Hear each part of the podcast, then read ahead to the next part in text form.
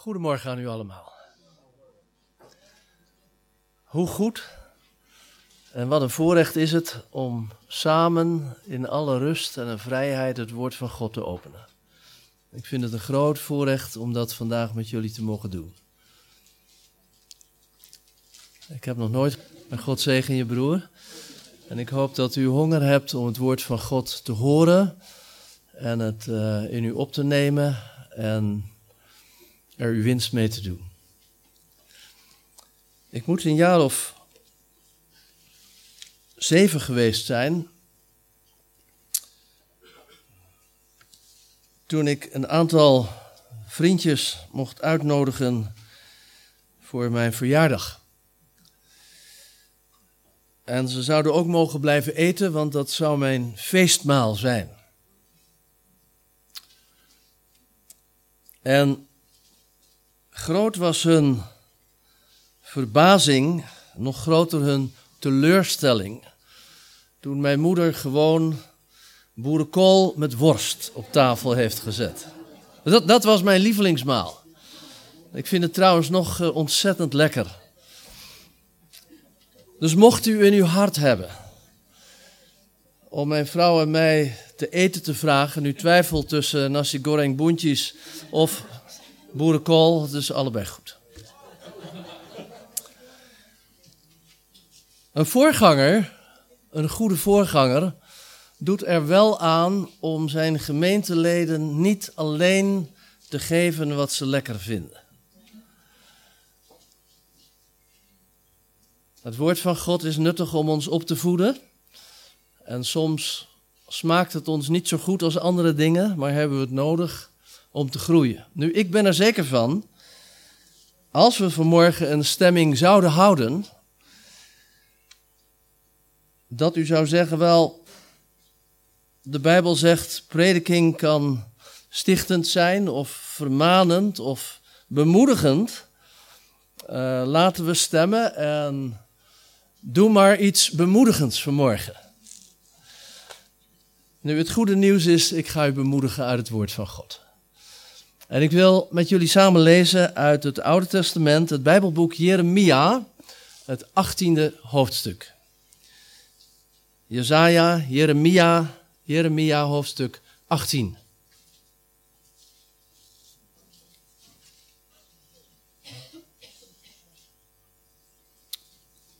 En ik lees daaruit de eerste zeven versen. Het woord dat van de Heer tot Jeremia kwam.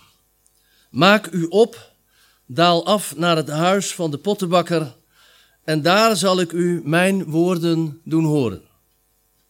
Toen daalde ik af naar het huis van de pottenbakker en zie, hij was juist bezig een werkstuk te maken op de schijf. Mislukte de pot die hij bezig was te maken, zoals dat gaat met leem in de hand van de pottenbakker, dan maakte hij weer een andere pot zoals het de pottenbakker goed dacht te maken. En toen kwam het woord van de Heer tot mij. Zal ik niet met u kunnen doen zoals deze pottenbakker, o huis van Israël? Luidt het woord van de Heer. Zie als leem in de hand van de pottenbakker, zo zijt gij in mijn hand, huis van Israël. Tot zover. Nu, als er ooit een man was die in zijn dagen bemoediging nodig had, was het ongetwijfeld deze dienaar van de Heer, Jeremia. Hij wordt dan ook genoemd de wenende profeet. Hij zag om zich heen hoe het volk van God de wegen des Heren verliet, hoe zij zich overgaven aan vormen van afgoderij en vervlakten. Jeremia moest van de Heer een oordeel uitspreken. Er zou een volk uit het noorden komen. En zij zouden het land overspoelen. Zij zouden de oogst in beslag nemen. Zij zouden de steden in puin doen veranderen. Zij zouden een vreselijke tijd doen komen. Jeremia werd dus omdat hij dat uitsprak namens de Heer, met de dood bedreigd. De tijden zijn niet veranderd. Mensen willen niet graag het woord van God horen, helemaal niet als het recht gepredikt wordt. Zij hebben hem in een kerker, een smerige kerker, vastgezet om daar zijn dagen te slijten. Maar het woord van God kwam uit. Het volk uit het noorden, de Babyloniërs, zijn gekomen en zij hebben de stad van God verwoest. En het ergste was ook die prachtige tempel die ooit door koning Salomo was gebouwd. Jeremia heeft het gezien. Hij heeft erover gehuild. En dan begrijp ik hoe hij zegt in zijn klaagliederen ergens: De wegen naar Sion, zij treuren. Er zijn geen feestgangers meer. Dat is afgelopen. Maar nu in dit gedeelte dat we samen lazen, spreekt God tot hem. En geeft hem de opdracht om af te dalen, de stad te verlaten en te gaan naar het huis van de pottenbakker. Nu, ik weet niet hoe uw geestelijk leven gegroeid is. In ieder geval, Jeremia had begrepen dat als God ging spreken, dat het tijd was om aandachtig te luisteren en er vooral ook naar te handelen. Die pottenbakker had zijn werkterrein op een onaangename plaats. Beneden in het dal, waar het riviertje de Hinnom stroomde, daar had hij zijn bedrijf. Het was tevens daar de vuilnisbelt van de grote stad. Het stonk daar, het was onaangenaam. In die contraien moet ook ooit een groot afgodsbeeld hebben gestaan, de Moloch. Een beeld met een kop, met een enorme mond daarin, waar het vuur heet werd gestookt en waar mensen hun kinderen soms levend ingooiden in de hoop en in de veronderstelling daarmee de gunst van de goden te kunnen verkrijgen. Vreselijk. Jeremia handelde op het woord van de Heer. En niet toevallig, dan treft hij daar de pottenbakker, de meester zelf, aan het werk. Hij was er niet altijd, want vaak ging hij met zijn waar naar Jeruzalem en dan in de tempel om daar de zaken, zijn aardewerk aan de man te brengen. Maar nu was hij daar en hij zag de meester bezig. En als hij dan aandachtig toekijkt, dan ziet hij dat er ook momenten waren dat het niet lukte. Mislukte de pot die hij bezig was te maken, zoals dat gaat met leem in de hand van de pottenbakker. Wij zouden ons kunnen afvragen of die meester wel kundig genoeg was om zijn handwerk uit te voeren. Maar ik denk dat wij beter eraan doen om te begrijpen dat het materiaal, de klei, het leem, soms bestanddelen in zich kan hebben die de zaak kunnen verprutsen. Een houtschilfer of een klein steentje is vaak al genoeg. Maar ook in de handen van de meester was er soms mislukking te bespeuren. Het kwam niet door hem, maar ongetwijfeld door het materiaal en de ongerechtigheden die daarin gevonden kunnen worden. Bij het voorlezen zojuist, de aandachtige Bijbellezer zal het hebben opgemerkt in jullie midden, heb ik met opzet één woord overgeslagen dat er wel degelijk staat. En wat nou precies de kern is van dit woord van morgen en van deze prediking. Er staat nadrukkelijk, mislukte vers 4, de pot die hij bezig was te maken, zoals dat gaat met leem in de hand van de pottenbakker, dan maakte hij daarvan weer een andere pot, zoals het de pottenbakker goed dacht te maken. Dat woordje daarvan duidt aan dat hij niet dat mislukte stuk klei aan de kant schoof of weggooide, maar dat hij uitgerekend daar mee verder ging en uiteindelijk tot zijn doel kwam en iets maakte wat in zijn hart en in zijn gedachten was. En dan moet Jeremia uitspreken over het oude Israël. In hun afvalligheid, met zoveel mislukkingen. En dan moet hij tegen hen zeggen, zo zegt de Heere, zal ik niet met u kunnen doen zoals deze pottenbakker, huis van Israël? Jullie zijn als leem in mijn handen, huis van Israël. Dus God maakt hier zijn volk duidelijk, met al hun mislukkingen en met al hun afvalligheid, dat hij trouw wilde zijn aan zijn mensen. En dan hoor ik Jeremia verderop in zijn Bijbelboek uitspreken namens de Heer: Ja, ik zal een keer brengen in het lot van Juda en van Israël. Ik zal het opbouwen als weleer. Ik zal hen reinigen van hun ongerechtigheid waardoor zij tegenover mij gezondigd hebben. Ik zal hun vergeven al hun ongerechtigheden, waardoor zij tegenover mij gezondigd hebben en van mij afvallig zijn geworden.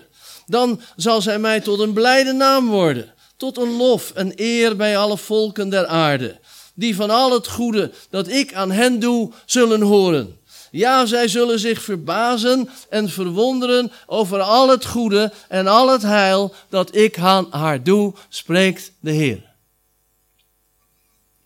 God wilde doorgaan na de mislukking met zijn volk.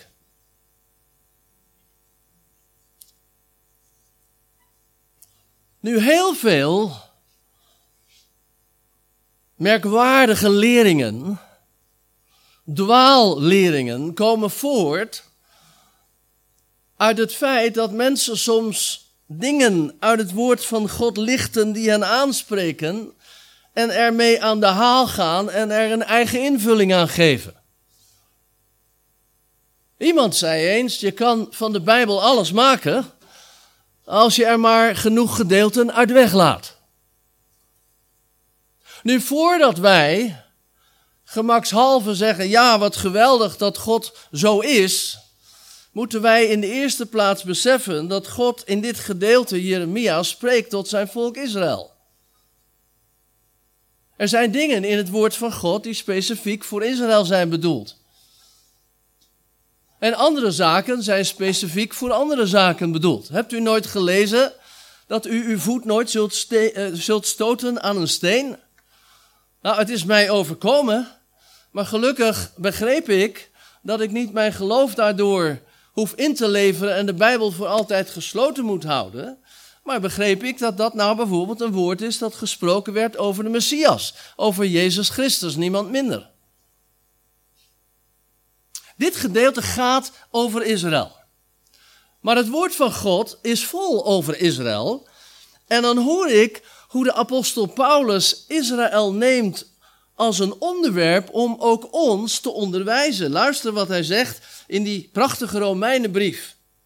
Veelzeggend. Zal het geboetseerde, over pottenbakkerswerk gesproken, zal het geboetseerde soms tot zijn boetseerde zeggen: Waarom hebt gij mij zo gemaakt?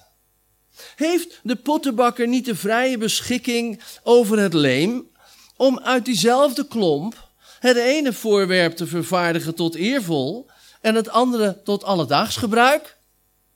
God wil de rijkdom van zijn heerlijkheid bekendmaken over de voorwerpen van ontferming die hij tot heerlijkheid heeft voorbereid. En nu komt het. En dat zijn wij, die hij geroepen heeft. Niet alleen uit de Joden, maar ook uit de heidenen. Zoals Hosea ooit heeft gesproken namens de Heer: Ik zal niet mijn volk noemen mijn volk. En de niet-geliefde noem ik geliefde. En het zal geschieden ter plaatse waar tot hen gezegd was: Jullie zijn niet mijn volk. Daar zullen zij genoemd worden zonen van de levende God. Halleluja.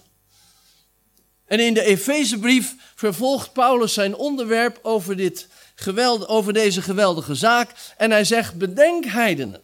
Dat wil zeggen, jullie gelovigen die geen Joods bloed hebben, geen Joodse achtergrond. Bedenk heidenen. Thans in Christus Jezus zijn jullie die eertijds veraf waren, dichtbij gekomen door het bloed van Christus.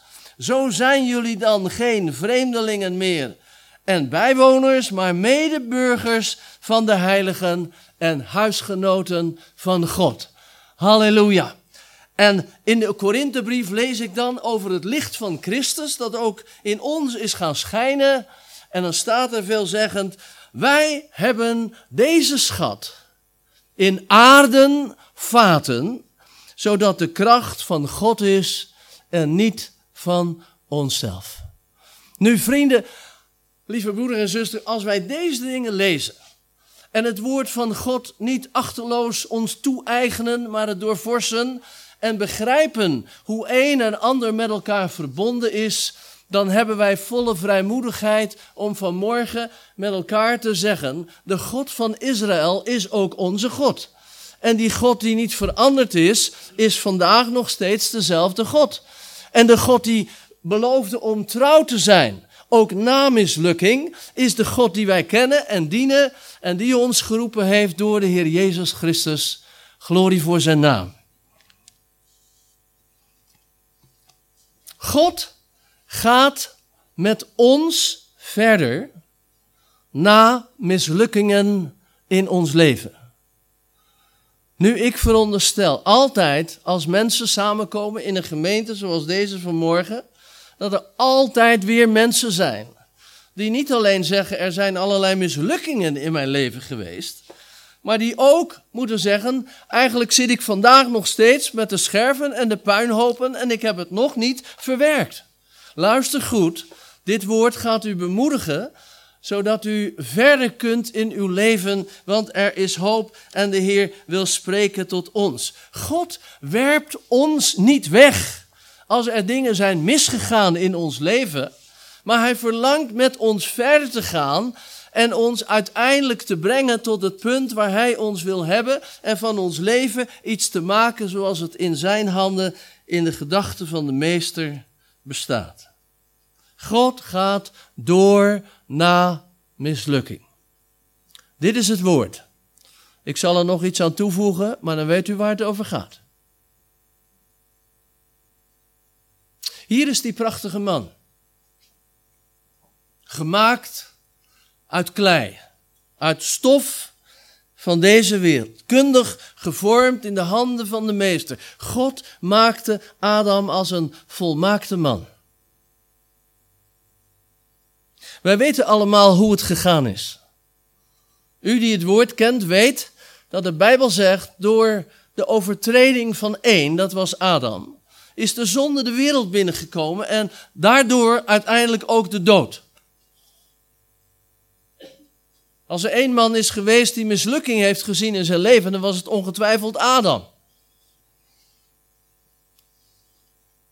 Maar God liet het er niet bij zitten. God zag zijn schepping in duigen vallen.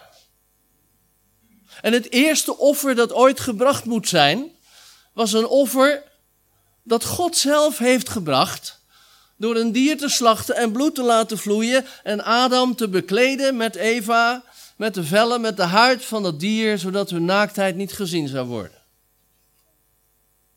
En God heeft uit Adam, na zijn mislukking, uiteindelijk het hele menselijke geslacht gebouwd. En God gaf hem een geweldige bemoediging na zijn mislukking. Dat er een dag zou komen dat iemand uit zijn nageslacht zou opstaan om Satan, de macht van het kwaad, zijn kop te vermorzelen. En wij weten wiens naam dat was. En zijn naam is Jezus. Over Israël heb ik u net enigszins uitgeweid. God zal dat volk na al hun mislukkingen, de holocaust en u noemt het allemaal maar op, door de eeuwen heen, uiteindelijk stellen tot een lof op deze aarde. Halleluja. God zal doorgaan met Israël. Hoe wonderlijk dat wij, een aantal van ons in onze generatie, hebben gezien hoe ze terug zijn gekeerd in hun eigen land. En God gaat door en zal hen uiteindelijk gebruiken om het evangelie over de hele wereld te verspreiden. Na alle mislukking. God gaat door.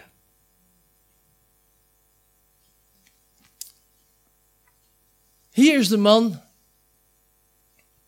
die in een onbewaakt ogenblik zijn ogen de verkeerde kant op liet dwalen. Met als gevolg, ik spreek tot volwassen mensen, dat hij het uiteindelijk deed met zijn buurvrouw. De koning van Israël.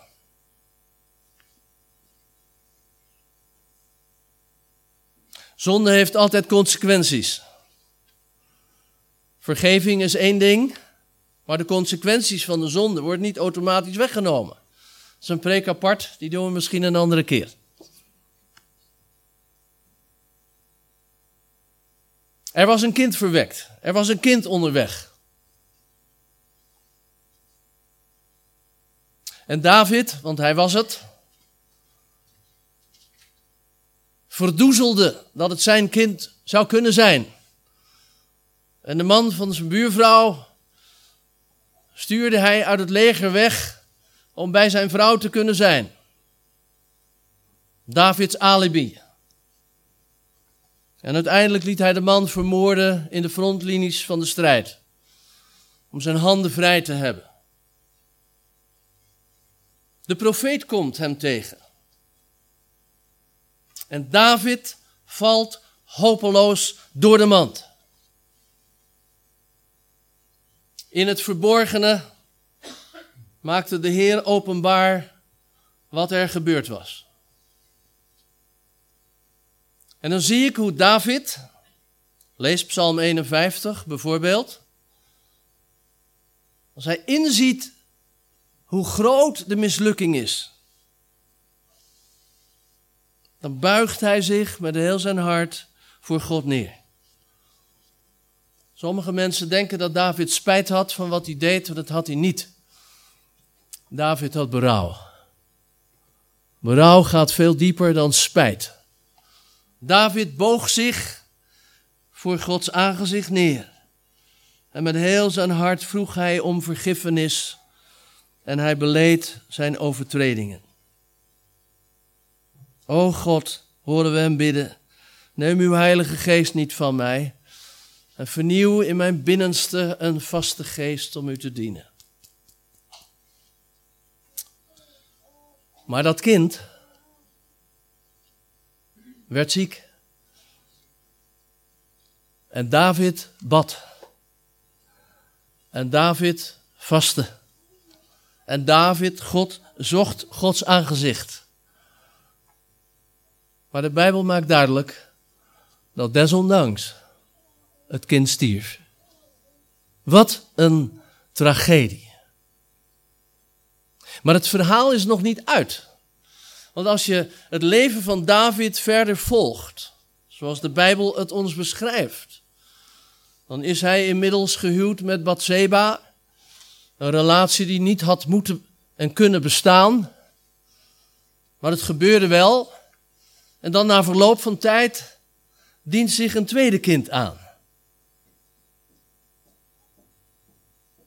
En als het kind geboren is, stuurt God zijn dienaar Nathan, de profeet, naar de koning toe. Om hem notabene namens de Heere te zeggen. Dit kind dat nu geboren gaat worden. Dit kind moet de naam hebben, let op, je dit jaar. En je dit jaar betekent de lieveling van de Heer. Zo is de God die ik predik vandaag. Zo liefdevol is de Heer dat Hij door wil gaan na mislukkingen wanneer mensen bereid zijn om zich voor Hem te stellen, te erkennen en te beleiden. Als wij onze zonden beleiden, dan is Hij rechtvaardig om onze zonden te vergeven en ons ook te reinigen van alle ongerechtigheid.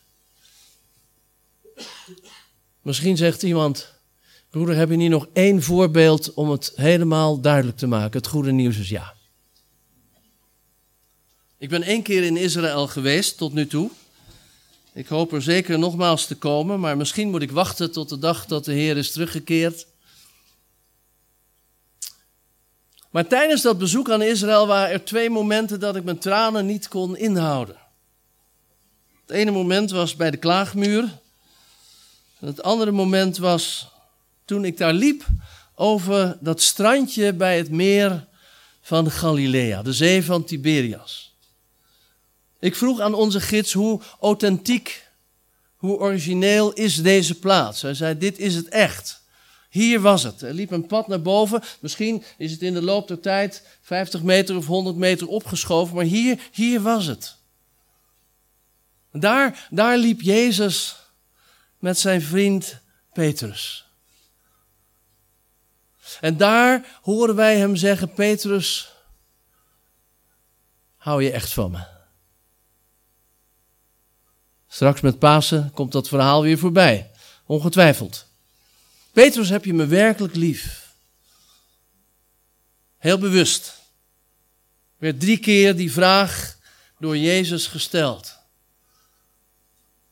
Begrijpelijk, want Petrus had het bestaan om drie keer, soms ook in het openbaar, te bevestigen dat hij absoluut niks met Jezus te maken had hem niet eens kende. Maar toen Petrus tot inzicht was gekomen en bevestigde dat hij echt met Jezus door wilde gaan en onder tranen erkende hoe groot de mislukking in zijn leven was geweest, toen heeft de Heer hem aangesteld om die grote leider te worden en te staan bij de wieg waar de gemeente van Jezus geboren werd op aarde. Die discipelen, Petrus was er één van, dat waren gewoon eenvoudige en ongeletterde mensen uit het volk. Maar de Heer ging door na mislukking. Ik heb me afgevraagd, staat u mij toe?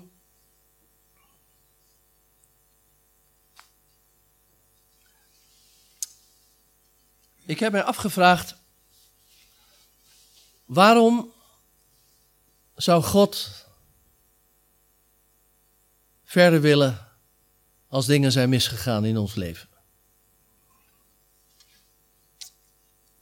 Nu, ik pretendeer niet antwoord te hebben op alle vragen, maar ik meen hierin wel een antwoord te hebben gevonden, zelfs twee.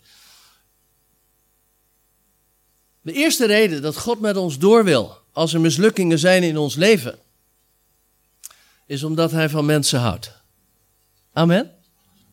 Al zo lief, u kunt het aanvullen. Zo lief had God deze wereld dat Hij alles heeft gegeven, zijn enige zoon om ons te redden. De tweede reden is, tweede reden dat de Heer door wil met ons, ons niet terzijde schuift voor ons tien anderen in de plaats, maar met ons verder wil, is omdat Hij verlangt ons te gebruiken in Zijn heilige dienst. Het woord van God spreekt al dus, ik citeer, wij hebben deze schat in aardevaten, opdat het leven van Christus zich in ons openbaart. Wij zijn, zegt de Bijbel, in Christus Jezus, dat betekent door ons geloof in Jezus Christus.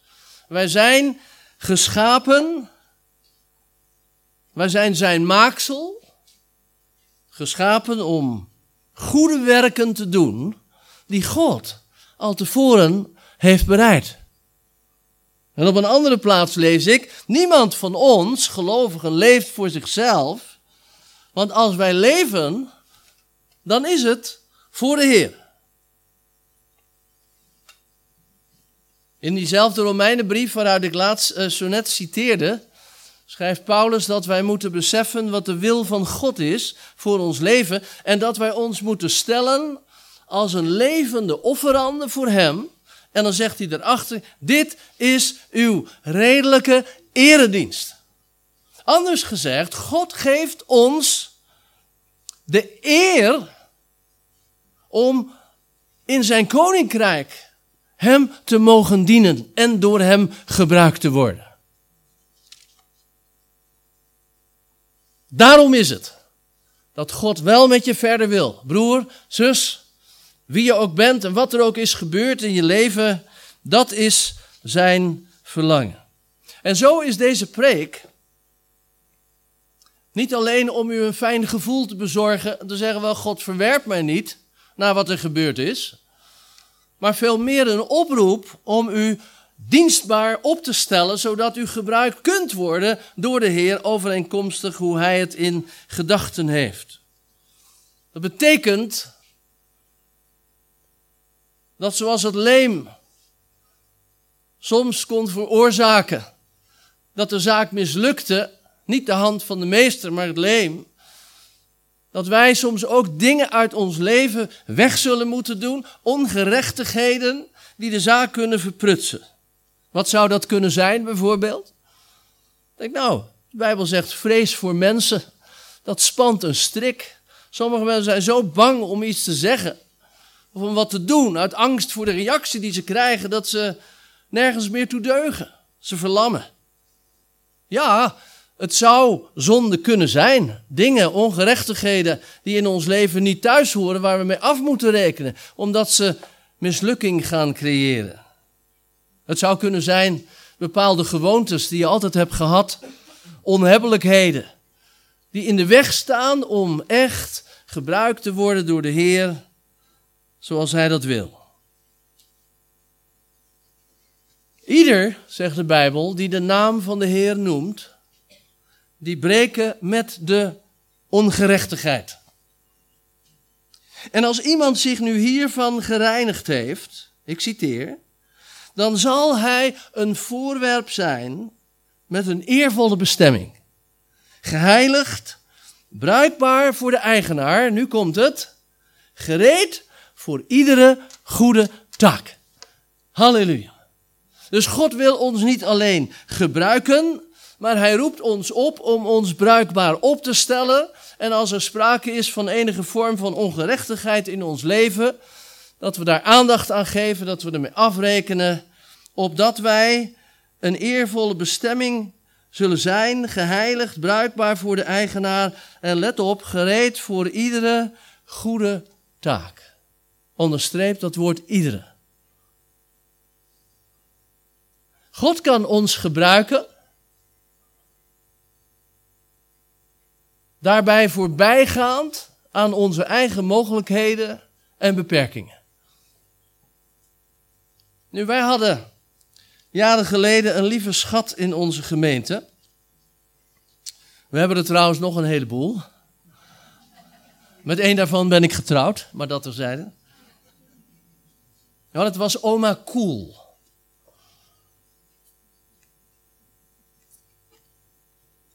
En in de herfst van haar leven kwam ze een keer naar me toe en ze zei: Broeder, ik voel me zo onnuttig.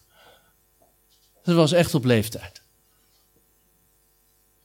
En dat was nog voor dat zij van de artsen te horen kreeg dat niet één, maar haar beide voeten zouden moeten worden geamputeerd, omdat ze anders niet te redden was. De laatste jaren sleet zij in een rolstoel en zo werd zij geholpen om naar de dienst te komen. Broeder, ik voel mij zo onnuttig. Ik heb haar toen gezegd, zuster, wat u in ieder geval kunt doen, is bidden. Het gebed van de rechtvaardige, zegt de Bijbel, vermag veel, omdat er kracht aan verleend wordt. Zij was een bidster tot haar dood toe. En daarnaast heeft ze vanuit haar rolstoel allerlei mensen lieve kaarten gestuurd met bemoedigende woorden. Tot de dag dat de Heer haar thuis haalde. God gebruikte haar. Ondanks haar beperkingen. Nu, ik ben niet zeker van het zondagschoolonderwijs dat hier wordt gegeven. Ik onderschat jullie niet. Maar ik heb vroeger gehoord van die hele geweldige man, die zo ongelooflijk sterk was, dat hij in staat was om dingen te doen die het een mens niet gegeven is te doen. Ja, Simpson. Maar ik verkondig u vandaag, misschien mag ik nooit meer komen als ik dit zeg, maar ik verkondig u vandaag dat Simpson helemaal geen sterke man was. Stel u nou eens voor, ik spreek nog steeds tot volwassen mensen, dat die Delila, die vriendin van hem, naast hem lag. Een man met zulke biceps en triceps. En dat ze dan hem vroeg, Simpson, vertel mij nou eens, hoe komt het toch dat jij zo ongelooflijk sterk bent? Nou, dat is toch dwaasheid, dat doe je toch niet? Simpson had dit helemaal niet. Simpson was helemaal niet een sterke man. Maar hij werd sterk op de momenten dat de geest van God hem aangreep en hem in staat stelde om de poorten van een stad op zijn rug weg te dragen. Ga er maar aan staan.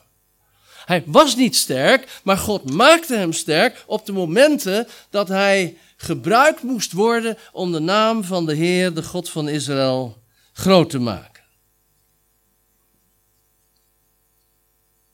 Hij werd gebruikt voor die goede taak toen de geest van God hem aangreep en voorbij ging aan zijn eigen fysieke mogelijkheden en beperkingen en hem bekwaamde om te doen wat er gedaan moest worden. De zuilen van een grote tempel uiteen te drukken, zodat in één klap honderden, zelfs duizenden vijanden verslagen werden tot eer van Gods naam. Ik las van een vrouwtje uit het volk Zij, uh, zij was niet zo wel bespraakt, stel ik mij voor. Ze had een ontmoeting met Jezus. Zij leefde met mannen die niet de haren waren. Maar toen zij ontdekte wie zij voor zich had en begreep, hij is de Messias. Toen werd deze volkse vrouw een geweldige evangeliste. Niet omdat ze zelf zo bespraakt was, stel ik mij voor, maar omdat ze een ontmoeting met Jezus had gehad en naar het dorp ging en tegen mensen zei: Nu heb ik hem ontmoet. En ze kreeg ze mee en ze ontmoette hem. En dan zeggen ze op een gegeven moment tegen deze vrouw: wij geloven niet meer omdat wat jij ons hebt gezegd, maar we hebben hem nu zelf ontmoet. En wij weten dat deze waarlijk de heiland der wereld is. Halleluja. Deze vrouw was geen evangeliste, maar ze werd een evangeliste. Ze werd bekwaam gemaakt toen zij bereid was om zich ook daarin te laten gebruiken. Ik zei het al, de discipelen, het waren geen grote predikers, het waren geen grote theologen. Ze waren eenvoudige mensen en zelfs ongeletterde mensen uit het volk. Maar zij waren de leiders van die gemeente. De reden waarom wij hier vanmorgen nog zijn, omdat zij door God gebruikt werden en zich lieten gebruiken. Nadat ze de mislukkingen achter zich hadden gelaten en daar op de juiste manier mee hadden afgerekend. Weet u wat zo fijn is? Dat in het koninkrijk van God geen plaats is voor jaloezie. Het is volstrekt overbodig dat ik dit zeg hier, maar ik zeg het dan toch maar. Er hoeft geen jaloezie te zijn onder Gods mensen. Er hoeft niet met ellebogen te worden gewerkt om uiteindelijk ook een keer op een platform te komen, want de Bijbel zegt dat God ons wil gebruiken, ieder zoals Hij ons heeft gemaakt en heeft bedoeld. Ik citeer, laat ieder zo leven als de Heer hem heeft toebedeeld, zo als God hem heeft geroepen. God wil u gebruiken met uw gaven en uw talenten. Hij wil u zelfs gebruiken met uw beperkingen en hij is in staat om uw beperkingen te laten voor wat ze zijn en u te brengen op plaatsen waar u zelf nooit had gedacht te kunnen zijn en gebruikt te worden op een wijze die u zelf ook niet had kunnen bedenken.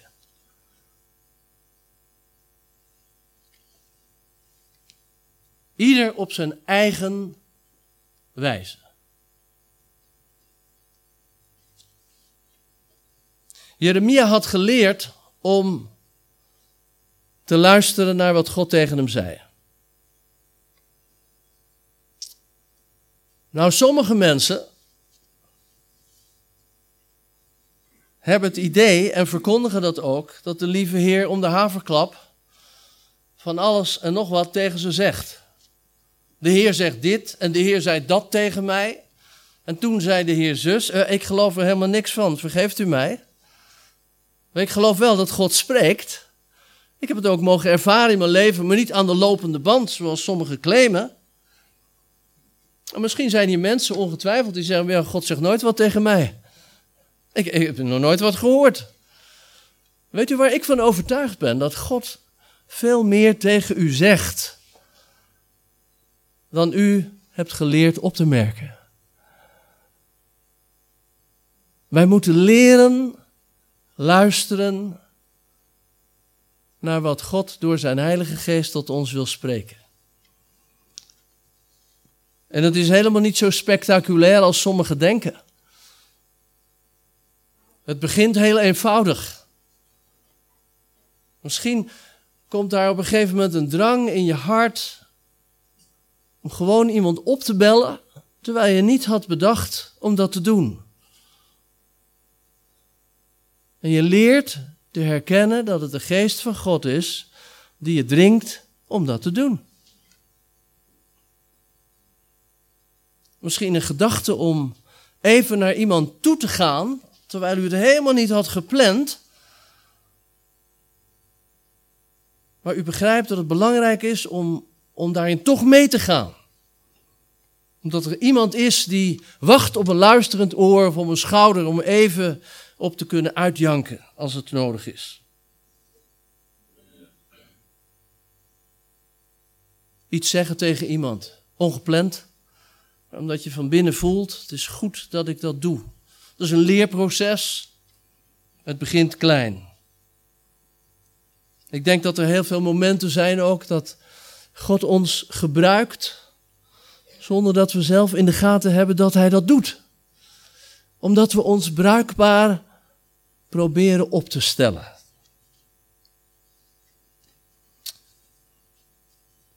Leren luisteren is nog één ding. Maar leren gehoorzamen is nog weer een andere zaak.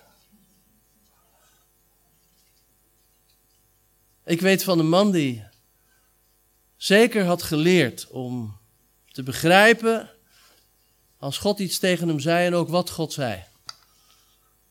En hij kwam ook meteen in actie. En hij ging bewust precies de verkeerde kant op. Weg van de plaats waar God hem uiteindelijk wilde hebben. U kent het verhaal toch? Het is als een moderne navigatie in de auto. Als je fout gaat, bewust of onbewust, dan plotseling is daar die stem. De route wordt herberekend. En het gaat linksom of rechtsom of via omwegen, maar uiteindelijk kom je daar op die bestemming. Zo ook Jona. En toen hij uiteindelijk deed wat God van hem vroeg, kwam een hele grote stad tot bekering. En zij zochten God in zak en. Nineveh.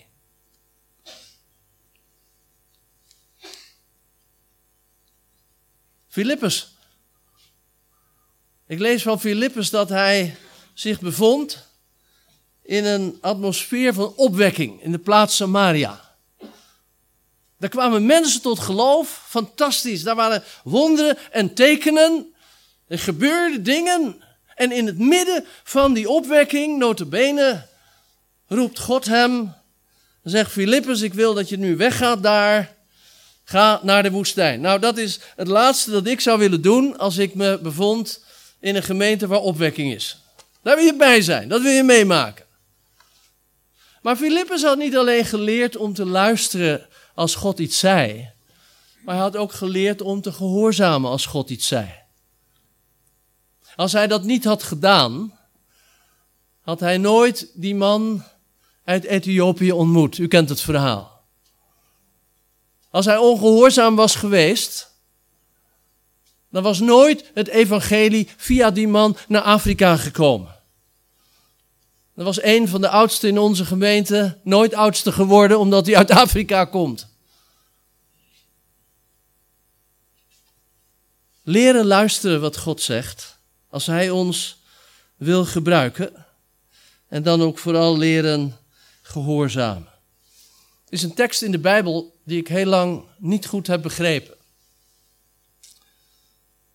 Er staat: Verkondig het woord en dring erop aan of het nou gelegen komt of ongelegen. Ik denk dat is, daar hebben die, die Jehovah's getuigen, die hebben dat daar vandaan.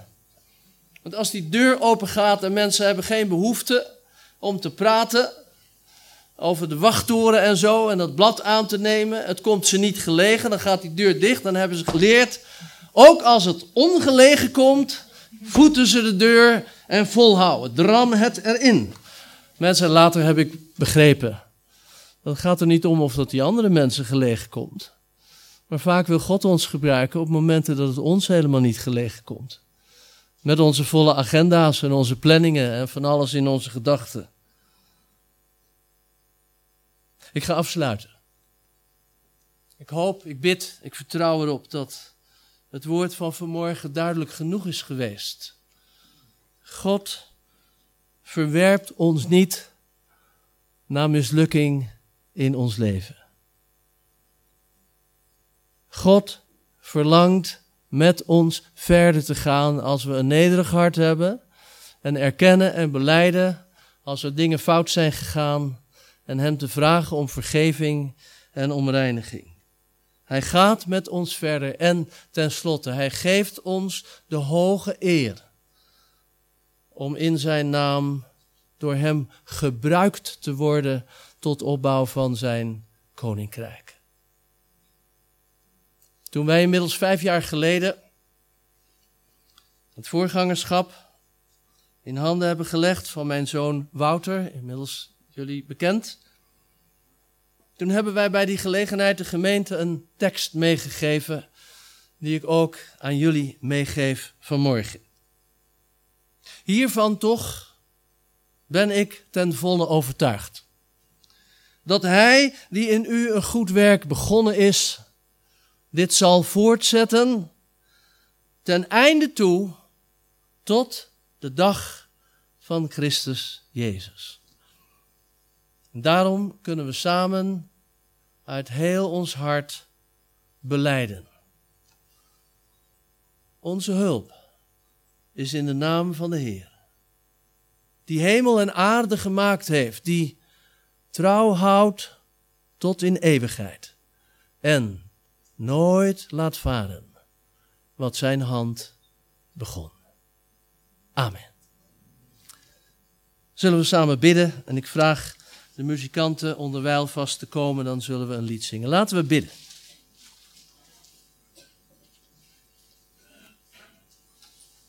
Vader, wij komen bij u om u dank te zeggen dat u een goede, liefdevolle God bent. Wij hebben u niet gezocht, maar u zocht ons. En u gaat met ons door, ook als er dingen misgaan in ons leven. We zoeken dat niet, maar als het gebeurt, bent u de getrouwe en de waarachtige. Uw arm is niet verkort. U houdt van ons en wilt ons in uw dienst inzetten.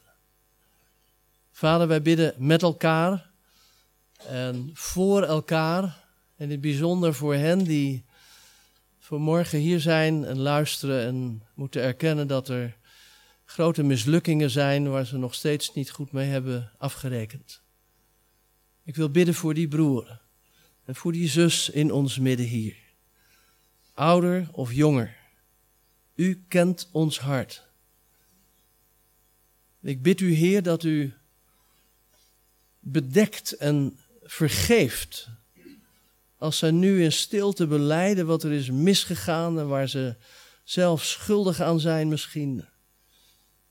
Heer, en dan in uw trouw wilt u dat dan wegnemen. Wilt u hun stem horen. Wilt u ze vergeven en wilt u ze ook reinigen van die dingen, opdat ze bruikbaar kunnen zijn voor u, zoals u dat bedoelt, zoals het in uw hart is. Heer, verwerp hen niet van voor uw aangezicht, verruil hen niet voor anderen die het beter doen, maar ga met hen verder en dat bidden wij samen voor elkaar. Heer, volvoer uw werk in ons. Dank u wel dat u getrouw bent. En zelfs als wij ontrouw zijn, dan nog bent u die getrouwe. Wilt u dit woord naprediken in ons hart? Wilt u ons ermee bemoedigen? Wilt u het terug echoen als we in een situatie komen, Heer, dat we het nodig hebben om aan deze morgen terug te denken? Dank u wel dat ook wij zijn als leem in uw handen. U bent de maker, u bent de meester. Dank u wel voor uw goedheid. Halleluja. Amen. We zingen samen, geprezen zij de Heer. Als